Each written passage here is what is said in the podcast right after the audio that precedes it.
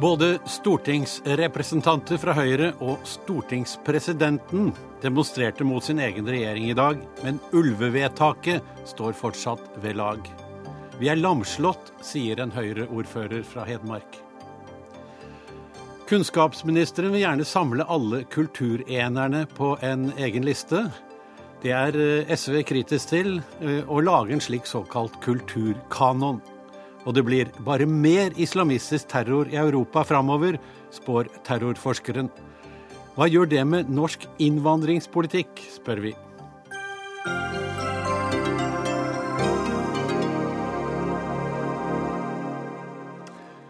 Velkommen til Dagsnytt 18 med Anders Magnus som vikar i studio. Og her kommer eh, en eh, stor eh, delegasjon inn for å snakke om kanskje noe av det mest hete politiske temaet vi eh, har opplevd på lang tid, nemlig ulv.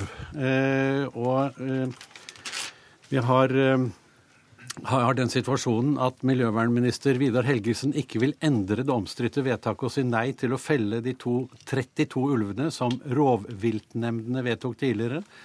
I dag demonstrerte flere hundre ulvemotstandere utenfor Stortinget uten å få gehør.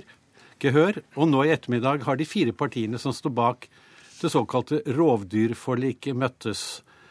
Eh, du hadde jo, eh, Vidar Helgesen, du hadde jo altså et møte eh, med ulvemotstandere fra eget parti i går. og Møte med de partiene som hadde vedtatt ulveforliket i dag.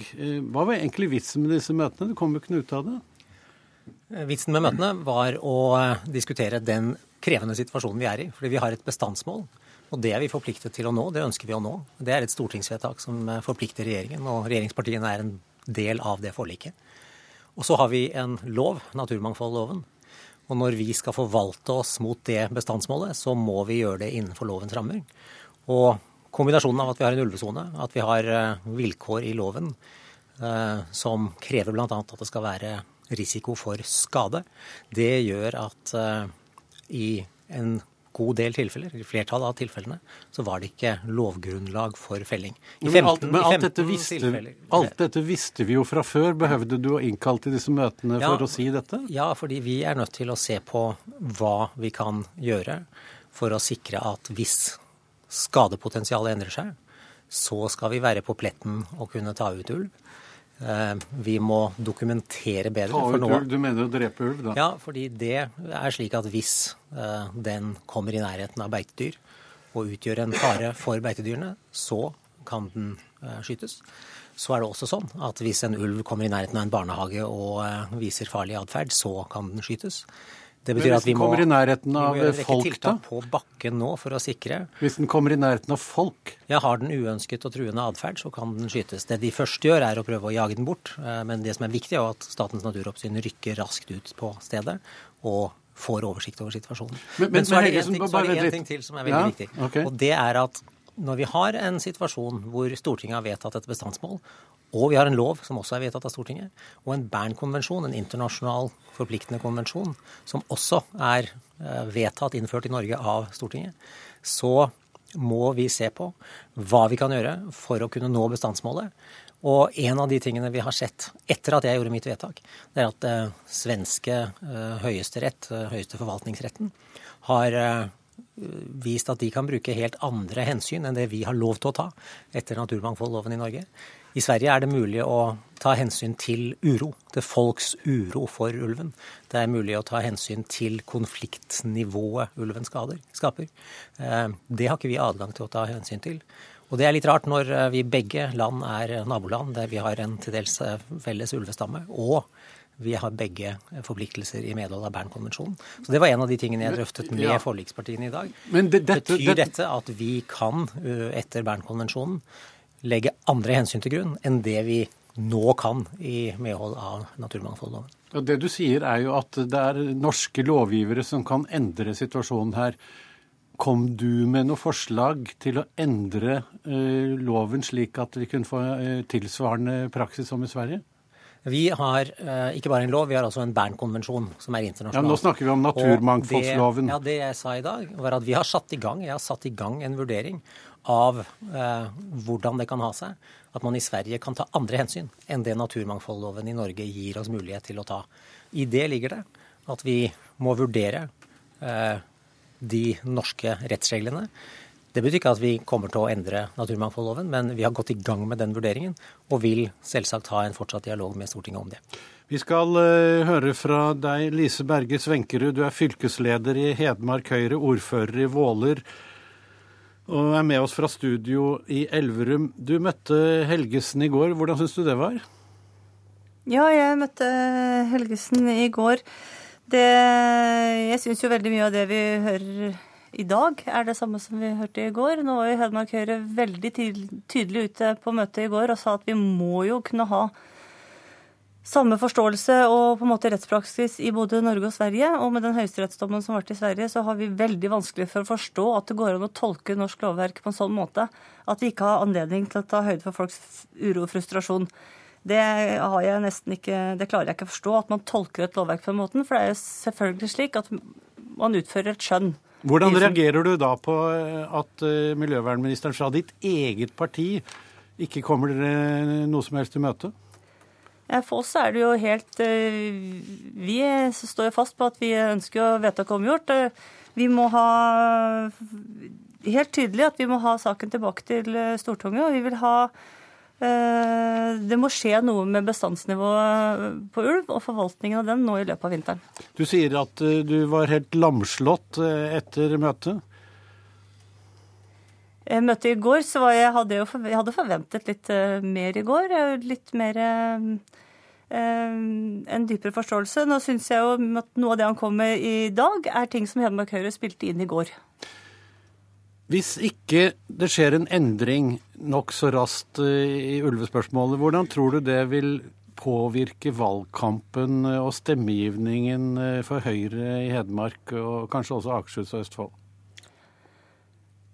Det har jo vært en, jeg synes det har vært en veldig eh, vanskelig håndtering eh, i saken. Og det har selvfølgelig skadet oss eh, stort. Det er Vi som lokalpolitikere står jo i det og er ikke årsak til noe her. Vi gjør så godt vi kan. Men er, vi er helt nødt til å ha en framdrift i saken og et uttak på ulvebestanden nå i løpet av vinteren. Nå i løpet av vinteren. Det er dere nødt til? Ja, det mener jeg. Vi har med oss eh, professor Geir Ulfstein eh, ved Juridisk fakultet ved Universitetet i Oslo. Du er med oss for å forklare denne her Bern-konvensjonen kort. Hva går den ut på? Ja, problemet her er jo at det er to forskjellige krav i den norske naturmangfoldloven og i Bern-konvensjonen. Etter eh, loven så er det tilstrekkelig at det er en fare for skade. Mens etter Bernkonvensjonen så skal det være en alvorlig fare for skade. Så det stilles strengere krav etter Bernkonvensjonen. Hvordan kan svenskene da eh, stille de kravene de gjør, og allikevel være innenfor Bernkonvensjonen? De tolker tydeligvis dette habitatdirektivet til EU, og, og, det er noe nytt i denne sammenhengen. Så vi får se hvordan det slår ut for, for, Norge. Men hvis svenskene kan gjøre det, komme med en slik lovtolkning som Høyesterett i Sverige da har gjort, da kan vel også lovavdeling, både Lovavdelingen i Justisdepartementet og eventuelt norsk høyesterett komme til samme konklusjon? Eh, Bern-konvensjonen gjelder uansett, og den er en internasjonal forpliktelse. og Det er ikke Høyesterett som avgjør hva den går ut på. Sånn at det er internasjonale organer som bestemmer hva den går ut på. Hvis Norge da sier at ja, vi gjør det samme som svenskene, vil vi da bli møtt med noen represalier eller noe som helst fra denne konvensjonen? Det er lite sannsynlig med en internasjonal dom, men, men det er politiske konsekvenser. Og det er? Så Norge kan, kan, kan komme dårlig ut som miljønasjon ved å bryte en konvensjon. Eh, vi kan eh, redusere Bernkonvensjonens betydning. Eh, og, og, undergrave konvensjonen. Og det betyr at det ikke bare er et lokalt spørsmål eller et nasjonalt spørsmål, det er et internasjonalt spørsmål. Terje Aasland, eh, du sitter eh, i energi- og miljøkomiteen for Arbeiderpartiet, er første nestleder der. Kan Arbeiderpartiet overta høyrevelgerne i Hedmark?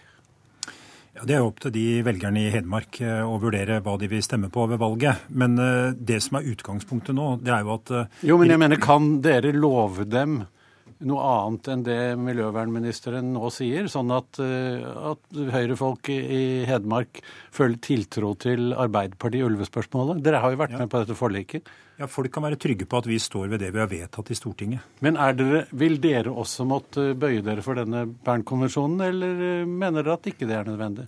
Jeg mener at det er et handlingsrom til stede. For det første, hva er det vi gjorde i Stortinget? Jo, vi inngikk egentlig et vedtak i tre momenter. Det ene er at vi skal regulere bestanden og at vi skal ha eh, reproduserende stamme. Det er, eh, det er, eh, en del av det grunnlaget. Vi skal dempe konflikten som er der, og vi skal vektlegge lokal og regional kunnskap i forvaltningen. Alle de tre områdene er, egentlig, eller, de er nå egentlig parkert. Det som har skjedd nå, det er jo at det vitner om litt komplett kaos egentlig i regjeringen, og mellom regjeringen og partiene, regjeringspartiene i Stortinget. Men la oss si at du hadde vært miljøvernminister. Ja. Og så hadde Lovavdelingen i Justisdepartementet sagt det samme som eh, de sa til Helgesen. Ville du da tolket loven på en annen måte? For det første, Hvis jeg hadde kommet i en sånn situasjon, så måtte jeg jo informert Stortinget på et langt tidligere tidspunkt enn det en har fått informasjon nå. Men ville du tolket det på en annen måte? Ja, jeg ville det. Fordi jeg mener at eh, den diskusjonen som Så du ville ikke sagt at uh, dette her Nei, disse det, legger vi vekk? Jeg ville sagt at i naturmangfoldsloven så står det i paragraf 18 c så står det og som omhandler eh, felling av vilt, så står det at eh, for å ivareta allmenne helse- og sikkerhetshensyn eller andre offentlige interesser av vesentlig betydning, så er det grunnlag for felling av vilt. Ok, Så du, vi kan slå fast at Arbeiderpartiet ville ha gitt fellingstillatelse til disse 32 ulvene? Jeg ville i hvert fall utfordra eh, det juridiske tolkninga på det spørsmålet, som det, jeg mener er helt vesentlig. Det holder ikke for velgerne å si at du vil utfordre. Vil du, ville du gått inn for å felle, eller ville du ikke gått inn for å felle? Hvis vi tar utgangspunkt i det som har skjedd fra regjeringshold i dag, så sier altså statsråd Vidar Helgesen at vi ikke gjennom den lovgivninga vi har, kan åpne opp for felling av ulv i Norge. Og dekker seg bak Bernkonvensjonen. Samtidig så sitter statsministeren og sier at de vil lage en åpning for felling av ulv ved å endre naturmangfoldsloven. Den som forstår hvordan den regjeringen kommuniserer det, det, dette det det, det, er forvirrende. Det er jeg helt enig i. Men derfor så vil jeg gjerne ha en klarhet i hva Arbeiderpartiet mener. Dere, er dere garantist for at hvis dere satt i regjering, så ville disse ulvene bli skutt? Ja. De, det, nå sa du nei, ja, det er fint. Men, men det, da, da har vi fått klart svar. Vi ville gjennomført det som er Stortingets vedtak, ja. og det er regjeringens ansvar å gjennomføre det okay. vedtaket som Stortinget har da vedtatt. Da går vi til Rasmus Hansson, som er nasjonal talsperson for Miljøpartiet De Grønne.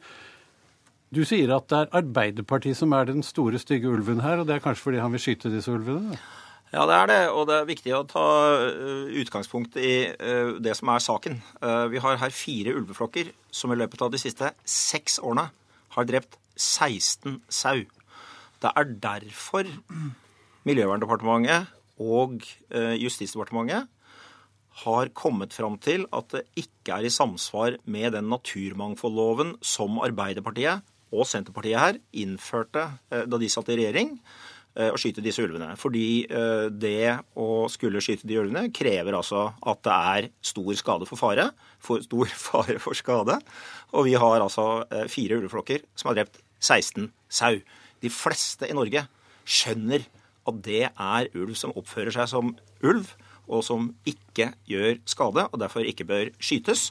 Og så har vi altså en situasjon hvor vi har en miljøvernminister fra Høyre som faktisk står rakrygget i noe som må være nokså heftig uvær, både internt og eksternt, eh, og ivaretar den loven som Arbeiderpartiet har innført, men nå svikter eh, i jakt etter velgere i Hedmark. Og det er jeg ikke sikker på de får. For det er den siste tingen som det er viktig å huske på når man snakker om konflikt og flertall, det er at det er et stort folkeflertall i Norge som ønsker ulv.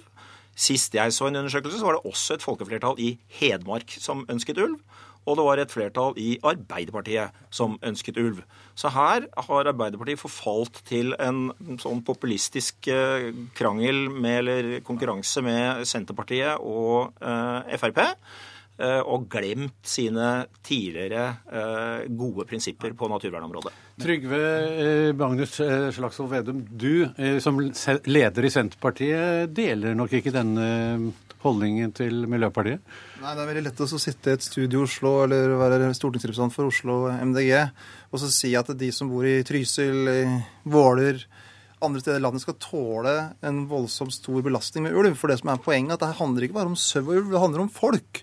Og når folk har ulv gående på gårdsplassen sin, når de har opplevd at det ble tatt uh, hund, sau uh, på eiendommen rett ved huset, de har opplevd at det er ulv mellom huset og bussholdeplassen, da blir det uro. Og det som var poenget nå, var at man skulle dempe konfliktnivået. Ta ut en del av ulven, spesielt da en del av den ulven som var nærgående. og de hadde skapt en mye bedre situasjon. Og det er det som er så arrogant fra Vidar Helgesen sin side nå. At han sitter her som en høyreelite i regjeringa og glemmer sine egne lokale tillitsvalgte. Altså varaordfører har meldt seg ut, tidligere ordfører har meldt seg ut. Det er et gryende opprør av lokale tillitsvalgte og folk som lever i området. Og så sitter Helgesen og skyver ulike juridiske betraktninger foran seg. Men må han ikke ta hensyn til loven, da? Nei, men Poenget er at en statsråd skal følge opp Stortingets vilje. Altså, eh, Høyre og Høyre FrP konvensjonen som de snakker om. Jo, men Høyre og Frp gikk først på et nederlag i Stortinget i vår. De ønska mer ulv enn det som ble vedtak, så Høyre og Frp tapte den kampen. Det ble dempa. Og så eh, var det han som tok initiativ til det forliket. og Han sa ingenting om at det var lovstridig da. Han sa ingenting om at det var lovstridig i høst. Og så kommer han siste dagen i Stortingets virke i fjor og sier at nei, nå går det ikke allikevel og sier at innenfor ulvesona skal vi ikke ta ut en eneste ulv, for der er det ikke fare for sauen. Men hvorfor er det ikke fare for sauen? Jo, for all sauen allerede er borte, takket være en feilslått uh, ulvepolitikk. Og så er det jo feil det Rasmus Hansson sier, at det ikke skaper noe tap. Altså Drar du til Rendalen i sommer, så var det over 600 sau som ble borte. Og flere, og flere av de dyra, ifølge SNO og DNA, kom fra de flokkene. Vidar Helgesen, var det nødvendig for deg å rote det sånn til? Eh, kunne du ikke lagt en annen fortolkning eh, til grunn for eh, det vedtaket du skulle gjøre, sånn at du kunne fulgt opp Stortingets beslutning i dette spørsmålet? Jeg har vært veldig opptatt i denne prosessen av å få flest mulig vurderinger. Ikke bare basere seg på, mest på vår, mitt eget embetsverk i Klima- og miljødepartementet, men vi har fått Landbruksdepartementets vurderinger. Vi har forelagt det for Justisdepartementet. De har sett på rovviltnemndenes vedtak og beslutningsgrunnlag. Sånn at de har gjort en veldig grundig vurdering. Og så er det også slik eh, at eh, i ulvemeldingen i vår så gjorde regjeringen det klart overfor Stortinget, veldig tydelig i meldingen, at denne situasjonen kunne oppstå. Fordi et forvaltningsmål er én ting, og loven er en annen ting. Og begge deler er vedtatt av Stortinget. Og hvorfor kunne jeg si at det kunne oppstå? Jo, for det har faktisk oppstått før, men med motsatt fortegn. For før har vi gitt fellingstillatelse selv om vi ikke har hatt nådd bestandsmålet. På bjørn og gaupe er vi ikke på bestandsmålet, men vi tillater likevel felling når det er fare for skade. Men du, og den, det, det er spørsmålet her er fare for skade. Kan ikke du si at det er fare for skade på folk. Altså Hvis, hvis uh, folk er redd for ungene sine, ikke tør å, å sende dem uh, uten, i bil til skolen, så, så, er det vel fare som du kan ta hensyn til? Det er en eh, fare som kan oppstå i en akutt situasjon hvis det er en ulv som viser aggressiv og farlig atferd og atferd overfor folk, men det er ytterst sjelden. Det loven sitter på, det er om det er fare for skade på beitedyr. Nå, og, nå, sa, nå er, sa, Erna Solberg til VG i dag at det kan åpnes mulighet for felling allikevel. Ja, er du enig i det? Kommer det en gæren ulv i nærheten av en barnehage i Trysil, så er det, er klart da, at den skal bli felt. Det er bare da. Ok, Åsland. Aasland. Men jeg vil også bare altså, si til Aasland, som ja. sier at vi ikke har tillatt noen fellinger. Jo, 15 av 47 fellinger er tillatt. Okay, det er en høyere andel enn det svenskene har tillatt, f.eks. Men det er jo ingen tvil om at det er et komplett kaos, og regjeringen er årsaken til det. Nå må regjeringen rydde opp i det. Stortinget har veldig tydelig sagt fra om hva som skal være norsk ulveforvaltning. Det er ikke sånn at vi skal utrydde norsk ulv i norsk natur, som Rasmus Hansson prøver å framstille. Tvert om, forliket bærer på at vi skal ha en reproduserende ulvestamme i Norge, men vi skal dempe konflikten for de menneskene som bor der ulven er. Og det samfunnet der ulven er. Det har ikke regjeringen evna og klart å følge opp. Og når ikke regjeringen klarer å følge opp det, så må regjeringen komme til Stortinget og redegjøre for hvordan de vil håndtere den situasjonen som nå er oppstått. Fordi det er helt klart det er et sterkt brudd på Stortingets vedtak. Og det er en merkelig situasjon at rovviltnemndene på den ene sida foreslår et uttak på 47, mens Vidar Helgesen ender opp med 15. Da går vi til Rasmus Hansson, du har bedt om ordet. Kort til slutt, vi skal snart avslutte denne debatten. Dette dreier seg for det første om en konflikt som har vært uforandret i hele Arbeiderpartiets og Senterpartiets eh, periode. Deres politikk har ikke virket. Nå har vi en situasjon hvor uh, regjeringen, eller i hvert fall miljøvernministeren, følger det lovverket som er vedtatt, og som Stortinget overhodet ikke har endret med det siste eh, eh, rovviltvedtaket. Og det er minst like mange mennesker i Hedmark som vil bli minst like sinte hvis dette uttaket blir gjennomført, som de som ønsker uttaket. Og det aller viktigste, det å framstille ulv som en fare for folk i Norge, er jo virkelighetsstridig. For nettopp det faktum at ulver har løpt over parkeringsplasser og gjennom sandkasser i Hedmark nå i ganske mange år, uten at et hår er blitt krummet på noens hode Ok, Da skal vi la den virkelighetsstridige Slagsvold Vedum få siste ord. Vi har aldri hatt mer ulv i Norge nå enn siden slutten av 1800-tallet. Og jeg sendte et brev til Ida Helgesen i går og ba om han bli med på et møte i Trysil og tørre å møte folk. For det er noe av problemet til Høyre-statsråd Helgesen. er at Hver gang det er å møte med folk, så trekker han seg unna, sitter inne på sitt statsrådskontor. Så jeg håper at du blir med meg og i, på et møte i Trysil, i et regi av Trysil Høyre og Trysil Senterparti og Elverum og Trysil kommune. Så kan du møte folk og si at det er helt greit at det er ulv på gårdsplassen din. Det er helt greit at det er ulv ved bussholdeplassen til unga. Og så må du tørre å si det. Hvis du ikke mener det, så skal du endre politikken. Og det da skal vi gjøre. Er det, takk for debatten. Eh, og så er det åpnet for en ny eh, overgang, eh, nemlig om dette her er egentlig et opprør mellom eliten og periferien. Dagsnytt 18 alle hverdager kl 18.00 på NRK P2 og NRK2.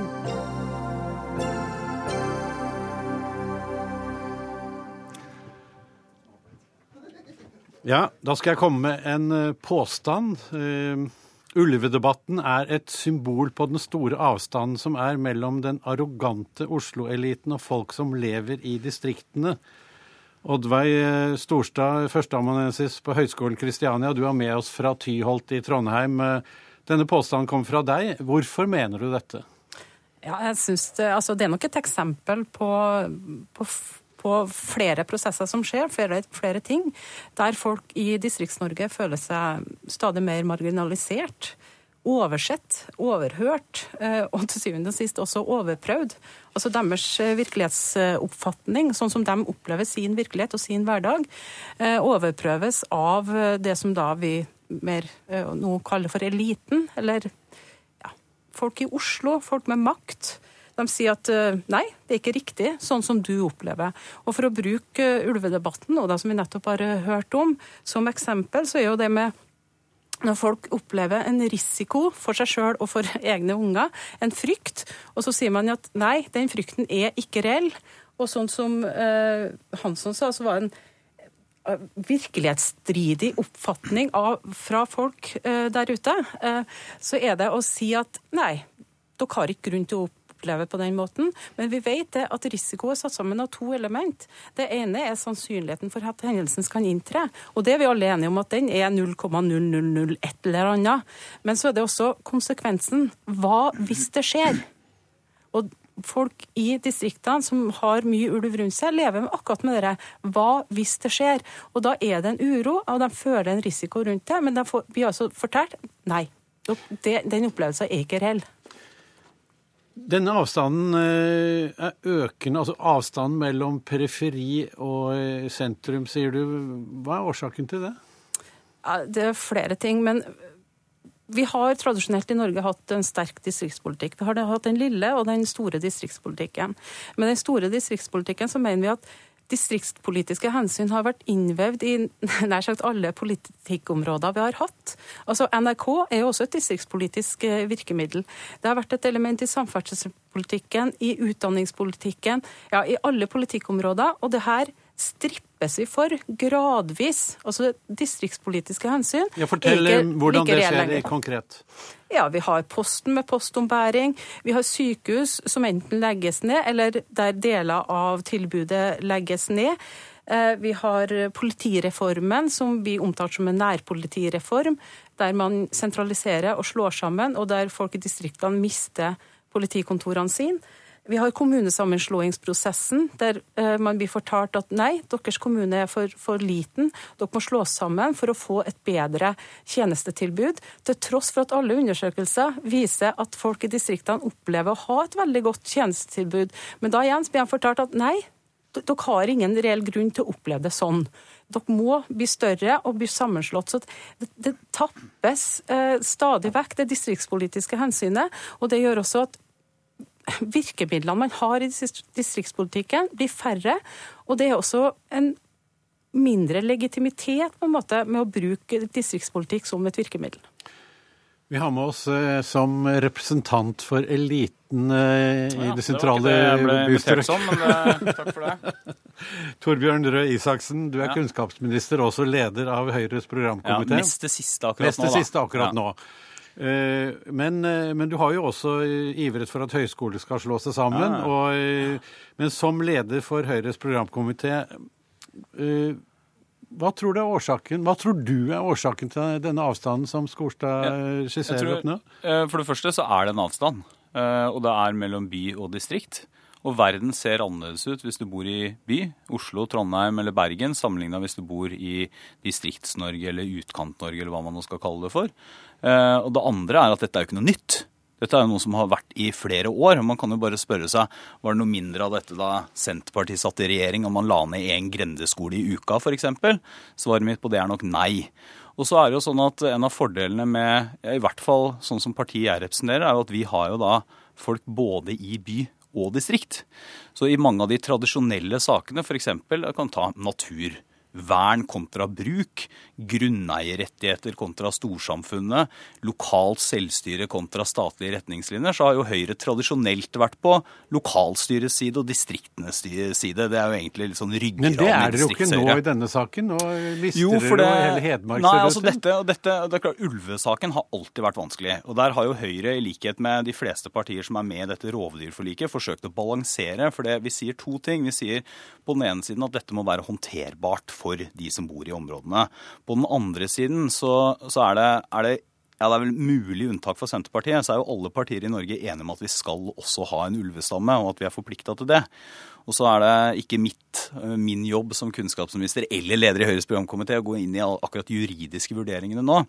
Men det min motdebattant eh, det Oddveig sa om de siste tingene her, nemlig at vi nå på en eller annen måte har avskaffa distriktspolitikken, det mener jeg er, er sprøyt rett og slett sprøyt. Altså Hvis du ser på f.eks. samferdselsinvesteringene, så har jo de mangedobla seg i løpet av den perioden. Er det noe som er viktig for at folk skal bo i hele landet, er det at det er gode veier som gjør at du kan ha arbeidsplasser over hele landet.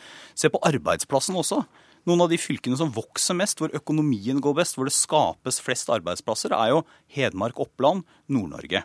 Hvis du på mitt eget felt, kunnskapspolitikken, eh, så er jo en av de tingene som var mest slående da vi slo sammen, eller kommune, høyskoler og universiteter slo seg sammen, var jo at noen av de som ivret mest, var jo nettopp ute i distriktene. Universitetet i Oslo har jo ikke slått seg sammen med noen. Eh, Det har derimot f.eks. Høgskolen Sogn og Fjordane, det har eh, Ålesund, eh, som nå har blitt en del av NTNU, det har Harstad, det har Narvik etc. Storstad, er ikke dette eksempler på um, en slags sentralisering som også kommer distriktene til gode? Ja, Det er jeg ikke så helt sikker på. fordi hvis, du, hvis vi holder oss til akkurat det eksempelet, da, så er nok skapt en forestilling om at man måtte slå sammen litt sånn med kommunene. At du må slå seg sammen for å bli stor, for å overleve. Eh, og Hvis vi går tilbake til sånn begynnelsen av 70-tallet, når vi fikk distriktshøyskolene, så, så var det jo nettopp en som, eh, det var det jo nettopp som et distriktspolitisk virkemiddel. Det, altså med utdanning ut i distriktene. Og vi har sikkert mange eksempler på folk som har tatt sykepleierutdanning eller lærerutdanning i mindre plasser i Norge, og har blitt der fordi at de har tatt utdanning der. Nå er det her skolene i ferd med å slå seg sammen. De har blitt høyskoler, de slår seg sammen, de er i ferd med å bli universitet. Og det vi ikke diskuterer oppi denne debatten, er nettopp det distriktspolitiske eh, aspektet ved det. Hva skjer når de her skolene i mindre grad gir utdanning ut i distriktene? Men hvorfor gir de utdanning i mindre grad ute i distriktene? Men- men la oss- kan la oss- ja, men la meg bare spørre om det helt konkret. Tror du f.eks. Eh, det som nå er NTNU Ålesund, har mindre ambisjoner om å serve næringsliv og arbeidsliv lokalt på Sunnmøre? Nei, Tror du det som er teknologimiljø i Narvik, har mindre ambisjoner om å vokse som teknologimiljø og serve hele landsdelen og Nord-Norge, bare fordi de er blitt del av større institusjoner? Nei, det tror jeg ikke. Men vi kan ta, vi kan ta et annet eksempel. og så er det spørsmål- spørsmål nummer Før to dere går er jo- På det, så vil jeg gjerne stille dere et annet spørsmål. Fordi eh, vi har jo opplevd en tendens i eh, både Storbritannia og USA hvor eh, vi kan kanskje kalle det at eh, de marginaliserte, periferien, står opp mot elitene. Vi får eh, andre valgutfall enn det som er forventet. Tror du, eh, Isaksen, at dette kan skje ved stortingsvalget i Norge til høsten også? Altså, Jeg tror det alltid er et element av dette her i stortingsvalget i Norge. Og jeg tror det er en av grunnene til at Men tror du det kan bli mer nå? Nei, altså jeg tror, jeg, jeg tror det kan bli en like heftig diskusjon. Og det er klart det er alltid sånn at eh, det kan selvfølgelig skifte sånn styrkeforholdet mellom partiene. Men bare for å ta, altså historisk sett så er f.eks. en av de aller viktigste grunnene til at Høyre har vokst seg sterke i veldig mange distrikter, er grunneierrettigheter. Det er klart det går på bekostning av mange byfolk f.eks. som ønsker å ha hytter og uberørt natur. Der har vi sagt grunneiere, det å bruke og få vekst, eh, vekst ikke bare passivt vern, er et viktig prinsipp. Vi fikk masse kjeft som regjering da vi åpna for litt mer scooterkjøring. Det var veldig mange, ikke nødvendigvis bare i byene, også ute i distriktene selvfølgelig, som var, reagerte på det. Det var en sak som eh, mange var engasjert i gjennom åtte rød-grønne år hvor det ikke skjedde noen ting. Eh, jeg mener det var riktig, nettopp fordi at det handler om at du må ha økt lokalt selvstyre, må få lov til å bestemme mer selv. Så- så- Storstad, helt til slutt til deg. Eh, tror du at det kan komme en slags eh, distriktseffekt eh, ved valget til høsten? Ja, ikke det vi ser eh, konturene av. Eh, Det tror jeg helt sikkert, og, det, og de har jo fortsatt eh, stemmerett. Eh, Sånn at eh, det, det tror jeg. Og jeg tror dette legger seg lag på lag opp, oppå hverandre. og, og er et potensielt, om ikke et opprør, så, så iallfall at det blir en, en motreaksjon. Takk skal du ha. Eh, Torbjørn Røe Isaksen skal bli sittende, for han skal også være med i neste innslag.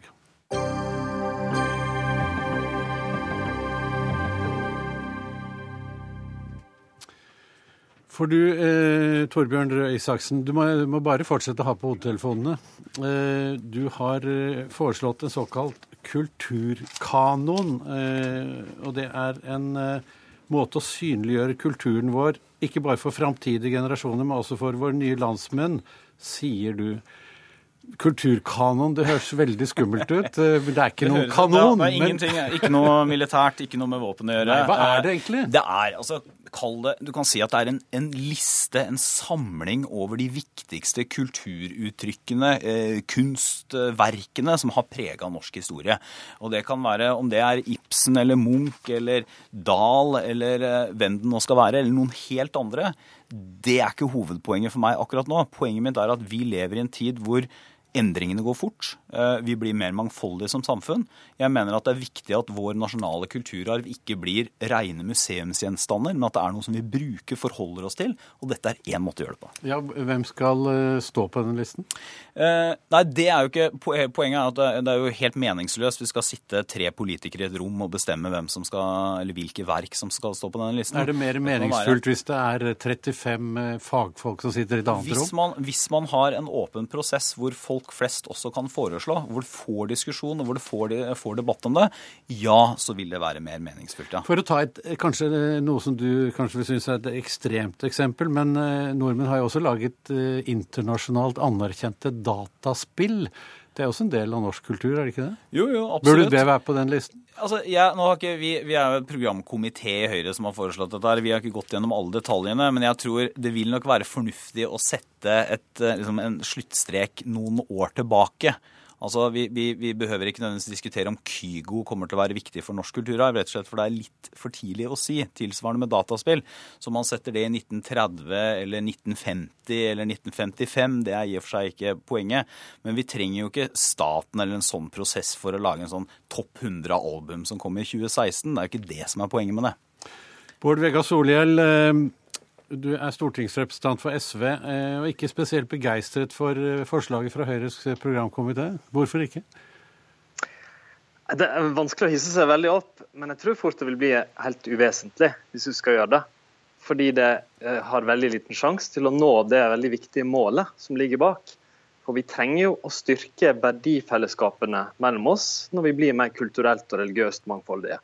Og jeg tror Grunnen til at det ikke er et særlig godt forslag, at det er feil tenkt. For kulturarven vår blir jo ikke styrka, eller blir ikke til ved å være på boks eller konservert eller på en liste, men ved å være i bruk i det daglige.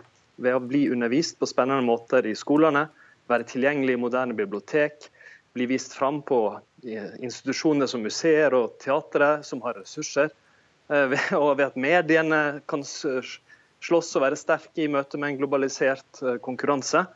Det er alt det som gjør om vi klarer å formidle kulturarven, ikke minst til mennesker som kommer som innvandrere til Norge. Og Derfor tror jeg forslaget til Røe Isaksen er helt ufarlig, men òg helt uvesentlig. Inge Merete Hobbelstad, du er forfatter og kommentator i Dagbladet, og eh, kanskje litt mer nøytral politisk her. Er det greit at staten lager en sånn liste, en sånn kanon? Vel, jeg syns jo det er helt greit at staten har denne tanken som artikuleres her. Og jeg tror det er en viktig tanke. Altså, det blir jo snakket mye nå om fragmenteringen av samfunnet, som har kommet dit at man kan spørre seg selv hva er det som faktisk gjør at vi føler at vi er en del av det samme, utover at vi bor innenfor de samme grensene. Eh, og i den sammenhengen så tenker jeg at de felles kulturelle referansene, felles fortellingene, eh, har en veldig viktig rolle å spille for at vi føler at vi er fortrolige med hverandre. Og det er en rolle som trenger en viss beskyttelse nå, når alle kan gå på en måte være sin egen daglige radiokanal. Så nettopp den tanken om å på en måte beskytte disse felles fortellingene, den tror jeg er veldig god. Um, og så syns jeg det er litt vanskelig å se for meg at dette er på en måte veien å gå for å få det til. Jeg syns det er litt ubekvemt at den er så tett på en ren sånn politisk uh, et politisk initiativ. Jeg er litt usikker på bruksområdet i det. Altså Er det en liste som skal ligge ut på en side hvor folk kan gå inn og se på den? I hvilken grad skal den revideres og på en måte gjenspeile at kanon også er en levende foranderlige ting? Skal man gjøre dette annethvert år? Altså Det er en del eh, slike spørsmål som jeg er litt vanskelig for å eh, se for meg her. Eh, hva, jeg... hva, kunne du tenkt at den kunne brukes til? Eh, nei, Jeg ser jo heller for meg at man kanskje styrker de institusjonene som tradisjonelt har hatt som rolle, og formidler kanon og legger til rette for samtaler rundt den. Og da har vi, vi har skolen, eh, vi har forskjellige kulturinstitusjoner, vi har mediene til en viss grad. Eh, men det du ser nå, bl.a. På, på utdanningsfeltet, så ser du jo det at dannelsessiden av norskfaget f.eks. spilles jo ned til fordel for en kompetansetenkning. Du ser i Ludvigsen-utvalgets rapport så står det jo at kultur- og litteraturdelen av norskfaget kan minskes. Eh, så du har jo den institusjonen som kanskje er viktigst for å legge til rette for dette, som legger stadig mindre vekt eh, på denne siden, og kanskje er det der man heller burde begynne. Det skal det bli slutt på nå, for da, nå skal vi gjøre noe. Med, med, vi skal bl.a. gjenreise deler av dannelsesaspektet og sikre at ikke norskfaget blir et rent, rent, skriftfag eller et rent sånn teknisk fag. Det er også viktig som litteraturfag, kulturfag, dannelsesfag. Men er ikke det så, nok? Da behøver jo, man å lage en liste da? Det, det, jo, det er jo altså, avisene lager sånne hvis, lister hele tiden. Ja da, hvis spørsmålet er behøver vi lage en liste, så er svaret på det nei, dette er ikke tvingende nødvendig. Hvis eh, det andre spørsmålet er kommer dette til å løse problemet med at vi blir mer mangfoldige, at vi skal ta vare på kulturarven vår? Nei. Men det vil være et godt eh, bidrag. Men er du redd jeg, for at vi har glemt hva det vil si å være ja, altså, norsk? Ja, altså, jeg, altså det, det, å være jeg, jeg, mener ikke at norsk kultur er akutt truet. Men jeg mener at vi ser oppløsningstendenser. Jeg mener at samfunnet blir mer mangfoldig og fragmentert. Nei, eh, I veldig stor grad så skyldes det jo at eh, samfunnet blir mer mangfoldig, mer individualisering. vi har ikke lenger en på godt og vondt den type monokultur. Altså Blant annet så er det ikke sånn lenger at vi tvinges alle sammen til å se på NRK hver eneste kveld. Er det det oppløsninger består i? Jo, men det er, det er, jo klart, det har, har, noe å si det. At vi takk og lov da, ser 20 eh, forskjellige programmer på TV hvis vi i det hele tatt gidder å se på TV en lørdag kveld. Poenget er at alt dette gjør også at det er viktig å holde fast på noe som er felles. Du... Og det jeg syns er påfallende med, med, noe av kritikken Man kan ha delte meninger selvfølgelig om det konkrete forslaget, men det er at internasjonalt, i FN-regi, UNESCO-regi, så gjør man jo dette hele tiden. Man lager kulturminner, man har lister over kulturminner og immateriell kultur man skal ta vare på. Det kan ikke være så vanskelig å ta den samme tankegangen og gjøre det bare med et nasjonalt perspektiv. Det som kanskje er litt påfallende, er at eh, Fremskrittspartiet la jo fram et sånt forslag for ti år siden. Elleve, ja, faktisk. Elleve år siden. Ja. og da stemte Høyre mot? Ja. Nei, det er helt sant. Høyre evner i løpet av elleve år å endre mening gjennom en spennende programdebatt. Hvor oppsiktsvekkende det er, det vet jeg ikke. Solhjell, har du blitt overbevist eh, av Isaksen om at dette her kan være en bedre idé enn det du tenkte først? La meg, la meg si positive ting først. Det kunne sikkert bli en morsom debatt. Altså, jeg melder meg straks til å være med i de skal bestemme det her, hvis det nå skulle bli vedtatt. Men, men altså, jeg, jeg, jeg, tror igjen, det virker som på mange måter målet er delt av alle. Men òg at alle tre debattanter her er enige om at det vil være et ganske uvesentlig bidrag. Nei, det er så er det kanskje en forskjell, forskjell i tenkninga. fordi eh, jeg tror jo ikke at kultur skal bevares, men utvikles. Stadig være i forandring. Og jeg tror svarene for hvordan vi bygger de fellesskapene framover, ligger i å ta med oss det beste av vår kulturarv, men òg akseptere at det kommer til å være i endring. All kultur i Norge har alltid blitt utvikla av impulser utenfra. Det må det fortsatt være. Da tror jeg det er alle institusjoner, alle steder som det formidles, som er eh, utfordringa, der regjeringas kulturpolitikk har gitt for lite, og ikke å lage lister. Eh, Inger Merete Hobbelstad, dersom kulturministeren får dette gjennom i Høyre, dersom han får det gjennom i regjeringen og i Stortinget, ville du sagt ja hvis du ble spurt om å være med i en sånn komité som skulle laget denne kanoen? Selvfølgelig. Jeg lever jo av å synse. Jeg vil jo gjerne synse så mye som mulig. Og gjerne også... Da vil du kanskje forsvare den også, da? Ja, men dette blir jo alltid interessante samtaler. Altså, det er jo en side av saken her. Og det er noe av det fascinerende når man prøver å ta opp verk som på en måte har formet oss som de vi er, da. Så blir jo det spørsmålet, og så velger man ut det som er eh, kvalitativt best, det som har vært viktigst for historien. De fleste har kanskje et sånt ulikt blandingsforhold av dette. Og det er jo dette også med kanon, at de fleste er enige om at det både er visse konstanter der og visse eh, sider som alltid er gjenstand for diskusjon. Det er vanskelig å sette opp en norsk kulturkanon og komme utenom eh, Ibsen og Munch f.eks. Og så ser du at forholdet endrer seg til hvilke verk som man regner som de mest sentrale.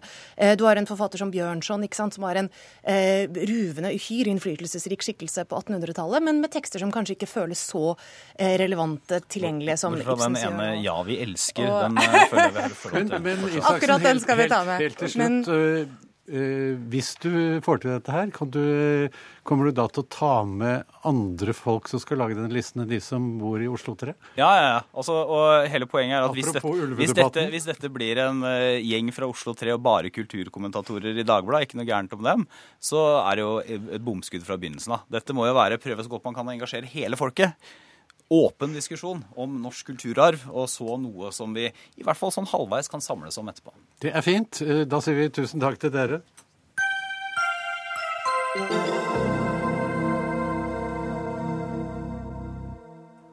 Da skal vi snakke om eh, noe som er eh, ganske mye mer alvorlig enn en kulturkanon. Med en slutt på deler av krigen i Syria og en svekkelse av IS i Syria og Irak håper nok mange at det verste er over når det gjelder terror i Europa. Men det kommer ikke til å skje, spår en av Norges fremste terrorforskere. Selv om vi kan få en kortvarig nedgang i aktiviteten, vil islamistisk terror ta seg opp og øke i løpet av de neste 10-15 årene. Thomas eh, Hegghammer, du er seniorforsker ved Forsvarets forskningsinstitutt, og det er du som har kommet med denne spådommen. Hvordan våger du å spå om noe så uforutsigbart i så lang tid framover? Jeg gjør det fordi det er viktig. Eh, men jeg prøver også å være tydelig på at det er en spekulasjon. Det er en kvalifisert gjetning jeg kommer med. Og så er tanken min at eh, hvis jeg legger frem min argumentasjonsrekke i skriftlig form, sånn at forskere og analytikere kan diskutere den og kanskje påpeke feil og sånn, så har det en nytteverdi. Men jeg mener selvfølgelig ikke å, å vite nøyaktig uh, hva, som, hva, som, vil skje. Det som du beskriver, kan vi kalle det en krig som pågår? Ja, altså IS vil jo se på det som de gjør, som en krig, helt utvilsomt. Uh, men uh, det som Må vi da svare på en måte som om det er en krig? Nei, det tror jeg ikke. Jeg tror ikke på en måte krigsperspektivet nødvendigvis er det, det, viktigste. Og det er jo først og fremst fordi at det, som, det voldsnivået vi har i Europa, ikke er i nærheten av det som vi forbinder med, med, med krig. Men du Selv... snakker uh, i denne artikkelen din om at noen av disse terrorgruppene har blitt så avanserte at de uh, også er inne på å få tak i radioaktivt materiale? Ja, det har vi sett det siste året. Det er ganske skremmende. Det er det. Det viser at de har høye ambisjoner for operasjonene sine. Du, du sier at det er uh, fire trender som uh, på en måte setter deg på sporet at dette kommer til å vare lenge, og det kommer til å bli verre. Hva er de fire trendene? Det første og viktigste er at det er veldig mange veteraner. Altså folk som har vært i Syria, eller folk som har vært involvert i uh, militant aktivitet i Europa. Uh, og som nå i stor grad er fengsla. Men, men, både de og, og, en del sånne fengsla returnerte syreveteraner de vil komme ut igjen fra, fra fengslene etter hvert. Uh, og vi vet at det er de her entreprenørene uh, som får ting til å skje. Det er de som bygger et celle, bygger nettverk og, og liksom er primus motor for, for, det hele. Den andre trenden er det at rekrutteringsbasen, altså den, den poolen med folk som, entreprenører, entreprenører, rekrutterer fra, den blir større. Hvem er det? Det er unge, økonomisk marginaliserte muslimske menn med innvandrerbakgrunn. Og de kommer til å øke i, i Europa? Ja, det, De blir flere i absolutte tall uh, pga. Uh, høye fødselsrater, pga. innvandring og pga. Uh, lav sosial mobilitet. De, de som kommer hit som første generasjon, har ofte lav utdannelse eh, og entrer da på en måte lavere sosiale lag. Og deres barn eh, har, eh, forblir da ofte i de lavere sosiale lagene. Fordi hvis man fødes inn i en, i en fattig familie, så, så, så, så, er det vanskeligere å, å, klatre. Den tredje trenden er at det vil fortsette å være mange konflikter med jihadistgrupper i Midtøsten. Og vi vet at uh, jihadistgrupper i Midtøsten de gir næring til jihadismen i Europa. Og Den fjerde trenden er teknologi. altså at det, det, blir lettere og lettere for terrorister å kommunisere på internett. Og dermed så kan de uh, lettere organisere uh, operasjoner. Du snakker om at poolen, altså omfanget av de som man kan rekruttere fra, øker, nemlig muslimske unge menn eh, med kanskje dårlig inntekt og eh, lav utdanning. Eh, vi hadde i 2015 30 000 som kom til Norge, og mange av dem tilhørte jo denne gruppen som du beskriver. Hvis vi skulle oppleve noe slikt i årene som kommer, vil det øke terrorfaren i Norge, etter din mening? Det er veldig vanskelig å si. fordi at uh, Det som får ting til å skje, som sagt, er de her entreprenørene. Det er at man har grupper av typen Profetens Umma, nettverk, miljøer som driver med organisert virksomhet. Hvis man ikke har det, så man lykkes i å ta de bort, så kan man i, i prinsippet uh, ha ganske høy eh, innvandring av den typen. Fordi man er marginalisert Eh, sårbare personer eh, vil da ikke eh, måtte, være i stand til å organisere seg og få, få utført terroraksjoner. Syns du at norsk politi har vært flinke til å klare den jobben? Ja, vi har lykkes i stor grad her i Norge. Vi har fått tatt de her nettverkene vi hadde, ganske ved rota. Eh, og, står, og, har, og ser nå at veldig få reiser til, til Syria, og det, det, er lite igjen av profetens umma. Men du er mer bekymret for Sverige? Mer bekymret for Sverige.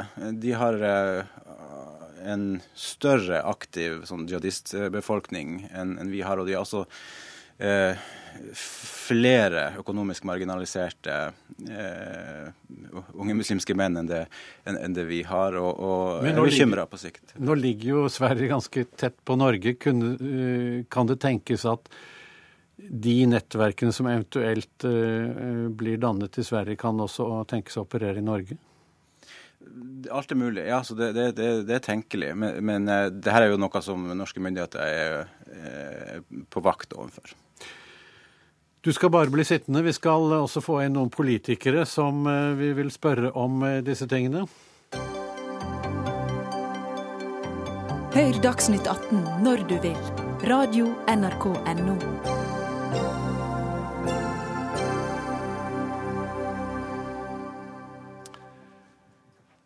Arbeiderpartiets asylpolitikk er en trussel mot den norske velferdsstaten, sa Siv Jensen i sin Facebook-tale i går. Men uh, her i studio har vi begge partiene, uh, både Frp og Arbeiderpartiet, som uh, vi vil spørre om går dere ikke egentlig mest hånd i hånd. Men før det, litt til det, det temaet vi nettopp har berørt, nemlig terror. Og Jan Bøhler, du har i, som leder i justiskomiteen vært med på å vedta en del av de terrorlovene som eh, landet styres etter i dag. Har vi lykkes kampen mot terror, syns du? Ja, jeg var saksordfører for de lovene i Stortinget i juni 2013. Og det var jo stort sett enstemmige vedtak, alle partiene. Og eh, PST støttet de lovendringene vi la fram. Og jeg eh, tror de har vært virkningsfulle i forhold til å kunne Eh, statuere eksempler på at de som drar til Syria, kan straffes. Kan, kan fengsles, kan straffes. Og også kunne forebygge når det gjelder bli, at de kan dømmes for forberedelse til terror uten at de har gjort noe ennå. Det var en omstridt lovendring, men som ga, ga, PST og politiet nye arbeidsredskaper, for å nevne to av de lovendringene som var omdiskuterte da vi la dem fram, men som det ble enstemmighet om etter hvert. Så jeg tror vi har eh, møtt utfordringen tidlig, men, men uh, vi er ikke i mål. Altså, jeg har mange ting jeg ville si om hva vi må gjøre framover, når vi hører som, uh, hvilket uh, bilde som trekkes opp her. Sylvi Listhaug, innvandrings- og integreringsminister fra Fremskrittspartiet. Du sitter jo i Justisdepartementet, som har ansvaret for å sørge for tryggheten vår. Er vi godt nok rustet i kampen mot terror, som da Hegghammer sier kommer til å bli hardere i de 10-15 årene som er foran oss, selv om vi kanskje får en dipp nå. Eh, litt roligere periode en tid nå? Det er ingen tvil om at eh, radikale islamister er den største terrortrusselen mot Norge. Det sier også Politiets sikkerhetstjeneste. Men det som er gjort under denne regjeringa, er bl.a. å styrke Politiets sikkerhetstjeneste, styrke politiet, gi mer ressurser. Følge opp med eh, da, tiltak der vi kan få til et bedre samarbeid mellom politi, kommuner, de som møter disse unge mennene eller kvinnene som utgjør en trussel. Så jeg vil si at det er gjort et godt arbeid, men her er det jo et vedvarende arbeid som må gjøres for at vi skal holde kontroll. Og i likhet med sidemannen her, så er jeg svært bekymra for utviklinga i Sverige. Vi har sett at de har ført en uansvarlig politikk gjennom mange år. Hatt veldig store ankomster. De har nå deler av byer f.eks. der det eh, utarter seg eh, tilstander som vi i hvert fall ikke ønsker i Norge, der man lever på sida av eh, lova, der man har gettoer. Og det er disse tingene vi må passe oss for i Norge. Og da er det å ha en kontrollert, lav innvandring veldig viktig framover. Men det er eh, også viktig med, med, de tingene som dere gjør i departementet. Og, og terrorberedskapen og samarbeidet mellom politi og forsvar fikk jo i høst flengende kritikk både av Riksrevisjonen og Røksund-utvalget for manglende tiltak. Så hvorfor eh, godt rustet er vi egentlig? Nei, som sagt så er det sånn at vi alltid må jobbe for å bli bedre. Nå er det riktignok min makker i Justisdepartementet som har ansvar for terrorberedskapen. Men dette her er knytta seg til innvandring. Derfor så er det viktig også hvilken innvandringspolitikk vi fører. Hvilken integreringspolitikk vi fører. Jan Bøhler, er du, er du, vi skal komme tilbake til det, Listhaug, men Jan Bøhler, er du fornøyd med, med slik det fungerer i dag mellom politi og forsvar f.eks.? Jeg har en del eh, ting jeg har tatt opp nå i denne stortingsperioden som angår det praktiske arbeidet i forhold til å forebygge terror og ekstremisme. og F.eks. samarbeidet mellom etatene, som du er inne på. så er det mange i politiet som har sagt til meg at de har problem når det gjelder å snakke med andre, som barnevernet, skoler, eh, de som jobber med, fritidsklubber, oppsøkende ungdomsarbeid, om ungdommer som kan være i faresonen. Og det er, det er taushetsplikten som de etter min mening misforstår disse etatene, som gjør at de ikke kan nevne navn og ikke kan snakke sammen. Så jeg har tatt opp med regjeringen om å lage en klarere instruks om hvordan taushetsplikten skal oppfattes i de tilfellene. Kan, du, kan du, gå med på det, Lise? Ja, Nå ligger ikke akkurat det Nei, under mitt det, men sett sånn politisk sett, Men det er klart at det er jo noe som er, som er viktig å se på. For det vi har sett, er jo at noen kommuner har gjort en stor jobb med å bekjempe disse tingene. Både Fredrikstad, som hadde egen gate der veldig mange reiste fra, ned til Syria andre steder og bedrev krigføring, kom tilbake. Har man gjort en eh, god innsats. Larvik er en annen kommune som utpeker seg.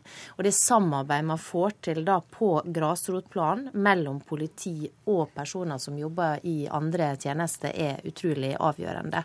Nå er jo, Du snakker om samarbeid. og det er viktig med samarbeid mellom politi og forsvar, det er viktig mellom etatene i hver enkelt kommune, men det er også viktig med samarbeid på Stortinget. Eh, og så ser vi jo det at deres partier, Arbeiderpartiet og Fremskrittspartiet, kanskje er noen av de mest enige i innvandringspolitikken.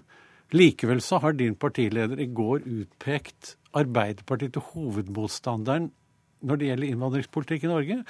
Hvordan kan Fremskrittspartiet gjøre det, Listhaug? Det vi har sett siste året, er at Arbeiderpartiet har skifta standpunkt nærmest fra årstid til årstid i innvandringspolitikken. Man gikk i vårparten i fjor ut og sa man ønska å invitere 10 000 til Norge. Så så man en enorm tilstrømming. Vi fikk over 30 000 i fjor. Så er man med på noen innstramminger, men dessverre ikke alle. Et av de viktige grepene som jeg mener må gjøres mer på, er på familiegjenforening. Fordi at vi ønsker at det skal være slik at de som skal hente familien til Norge, skal være i stand til å brødfø de betaler det det koster for å ha familien sin der. Det ønsker ikke Arbeiderpartiet. Dermed så kommer familieinnvandringa framover også til å være stor. Det gjør at ulikhetene i Norge Er det andre punkter enn det? Ellers er dere uenige? Ja, Vi var heller ikke enige om enslige mindreårige. Vi ønsker å stramme inn også der. Men når det gjelder familiegjenforening, så er jo en av utfordringene at innvandringa til Norge framover kommer til å bli høyere enn den ville hvis regjeringa sitt forslag ble vedtatt. Bøhler, og da det, vil det føre til økte ulikheter. Og det er jo noe av det som er farene her det er jo det at vi får uli, altså større ulikheter, flere som står utenfor arbeidsmarkedet. For at en del av de som kommer, de mangler utdanning, har lite forutsetninger for kanskje å greie seg på arbeidsmarkedet. Og da fører det til at man blir, kommer i fattigdomsfella. Halvparten av barna i Norge som lever i det man kan si fattige familier, er innvandrerbarn. Og dette er jo det som virkelig er noe av hovedutfordringa framover. Så hvis man vil ha få og små ulikheter, så må man være for en streng innvandringspolitikk. Og der skulle jeg ønske at Arbeiderpartiet tok litt kraftigere i. Spesielt når det gjelder Kan dere gjøre det, Bøhler? Altså, jeg tror folk kjenner igjen Arbeiderpartiet her. Helt fra altså, 2009, hvor Jens Stoltenberg statsminister opplevde at det steg til 17 000 som kom det året, og vi strammet inn. Bl.a. når det gjelder enslige mindreårige med midlertidig opphold for de ned til 16 år. Og, og der, det, der antallet som kom etter et år eller to, gikk ned til, ble halvert omtrent. Og, og, man husker sikkert, Noen husker også Gro Harlem Brundtland og Grete Farmo på 1990-tallet, som ble beinhardt kritisert av de som ville være mer liberale, men som førte en streng innvandringspolitikk. Men nå, hvis vi nå snakker om Jonas Gahr Støre Hvis vi i kommer dag til i dag Jonas, Jonas Gahr Støre var utenriksminister da Jens gjennomførte de tiltakene. Og jeg syns altså de 10 000 som um, Syve Listhaug viser til eh, i den talen til Jonas, det syns jeg er blitt litt oppbrukt nå. fordi at eh, det ble raskt en avtale på Stortinget om at man skulle motta 8000 over tre år. eh, Med, som fikk bred oppslutning på Stortinget. Og, og eh, hvis man ser på den strømmen som var til f.eks. Tyskland, f.eks. til Sverige, med mye større antall i 2015 enn til Norge, så kan ingen med hånden på hjertet legge skylda på Jonas for den flyktningstrømmen som kom til Europa i, i, i, i fjor. Men er du, Så- er du enig med Listhaug når hun sier at dere har blitt mer liberale? Nei, jeg er ikke enig i det. Jeg, jeg mener at vi skal være strenge og rettferdige. Og jeg syns det er litt synd da at vi ikke kan understreke den brede enigheten det er om asylforlik på Stortinget og om alle tingene vi er enige i. For det er jo mange flere punkter vi er enige om, og hvor regjeringen nå bygger på det Stoltenberg-regjeringen gjorde, enn det vi er uenige om. Og For å ta det punktet som øh, Sivi Listhaug nevner her, om familiegjenforening, så er det vi gikk inn for altså at man skal ha selvforsørgelse, krav til å, å kunne brødfø seg selv, som sies, men at man skal ha vist det i tolv måneder, og at man skal ha, skal ha da skal ha egeninntekt eh, på et visst inntektskrav. Men når det gjelder de som blir gående, hvis de skal gå i tre år, som, som Frp gikk inn for før man kan behandle søknad om familiegjenforening, så er det et spørsmål om de Det er ofte enslige menn. Og vi så på 90-tallet, da enslige tamiler gikk lenge uten å kunne gjenforenes med familiene sine, at det oppsto mye kriminalitet, mye problemer blant enslige menn som går rastløse, som ikke har ansvar for noe, ikke ansvar for familier. Så jeg tror det er større fare for at de kan utvikle seg til ekstremister hvis de går uten eh, kone, barn, uten familier og ansvar for å stille opp for, enn hvis man blir gående alene og blir frustrert for lenge. Så jeg tror ikke det er et veldig godt eksempel på å forebygge terror, det med Nå har vi bare litt under ett minutt igjen. Thomas Egghammer, når du hører på disse to politikerne, blir du beroliget eller det motsatte når det gjelder eh, kampen mot terror i Norge? Nei, ingen av delene egentlig, fordi um, det er ikke på akkurat innvandringsområdet at, eh, de, de, de at det viktigste skjer. Det, det, det viktigste vi må gjøre for å forhindre jihadistisk terror, det er å få uh, stoppa organisasjonene og nettverkene som av typen Profetens Umma og søstergrupper i, Europa. Og For det så trenger vi eh, sterke etterretningstjenester. Eh, Kanskje må man se litt på eh, hvor lenge folk, hvor, på, do, lengden på dommene som folk får, for å hindre at de kommer på gata. Det var det vi rakk. Ansvarlig for sendingen var Fredrik Lauritzen.